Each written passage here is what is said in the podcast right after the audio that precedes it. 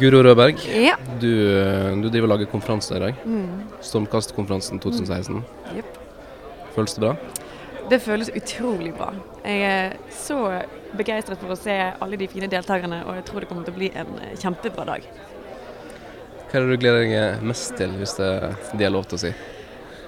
Jeg gleder meg veldig til å se hvordan eh, paneldebatten blir. Jeg tror at det kommer til å gi oss anledning til å spille opp noen, eh, noen spenningspunkter som vi vet er ganske opplagt i rommet, og jeg håper det kommer noen interessante diskusjoner ut av det.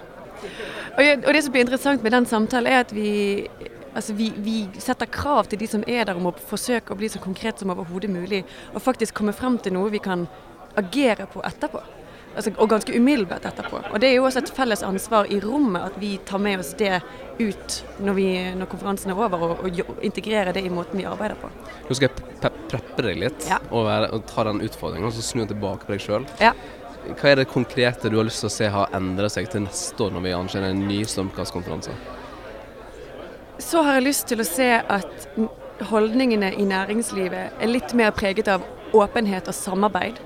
Eh, mer preget av selvtillit i sine egne ideer.